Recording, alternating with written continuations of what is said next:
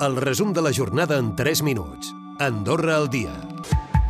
Demà dilluns i dimarts a la tarda no es podrà circular en vehicle per la carretera baixada del Molí. A peu només podran transitar-hi els veïns i treballadors dels edificis de la zona. El motiu és la visita de la selecció israeliana de futbol que s'enfronta amb l'andorrana per classificar-se al preeuropeu de l'any vinent. Per altra banda, Protecció Civil ja té enllestits alguns dels plans d'actuació, com el d'emergències sísmiques i el de fenòmens meteorològics violents. Treballen també en l'actuació del pla per abassament de productes contaminants i en protocols preventius. També hi ha sobre la taula el d'emergències en edificis de grans altures. Això ho explica el director de Protecció Civil, Cristian Pons.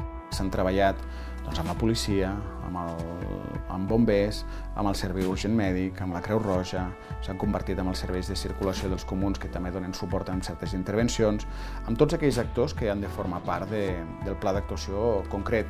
I demà dilluns també es començarà a aplicar el tercer pagador de medicaments i productes sanitaris per a les persones amb discapacitat. Amb la nova mesura es facilitarà l'accés econòmic que pot arribar a ser un fre per a moltes famílies. Els beneficiaris només hauran de pagar la part de copagament que els correspon. Escoltem la presidenta de la Federació d'Associacions de Persones amb Discapacitat, Diana Figueres. Moltes de les persones que eh, tenen reconeguda la discapacitat per la CONODA ja tenen el 100% reconegut si el demanen. I, però pels que no el tenen s'agraeix molt, els hi donarà un respir.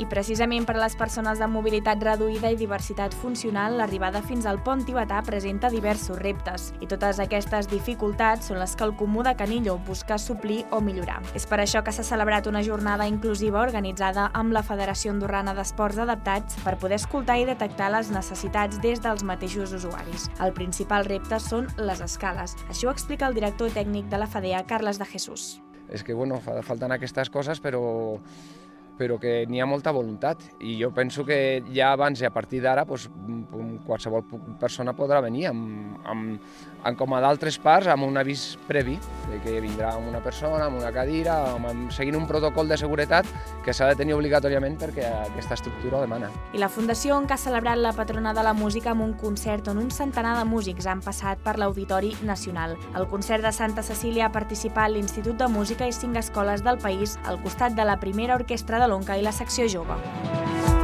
Recupera el resum de la jornada cada dia a AndorraDifusió.d i a les plataformes de podcast.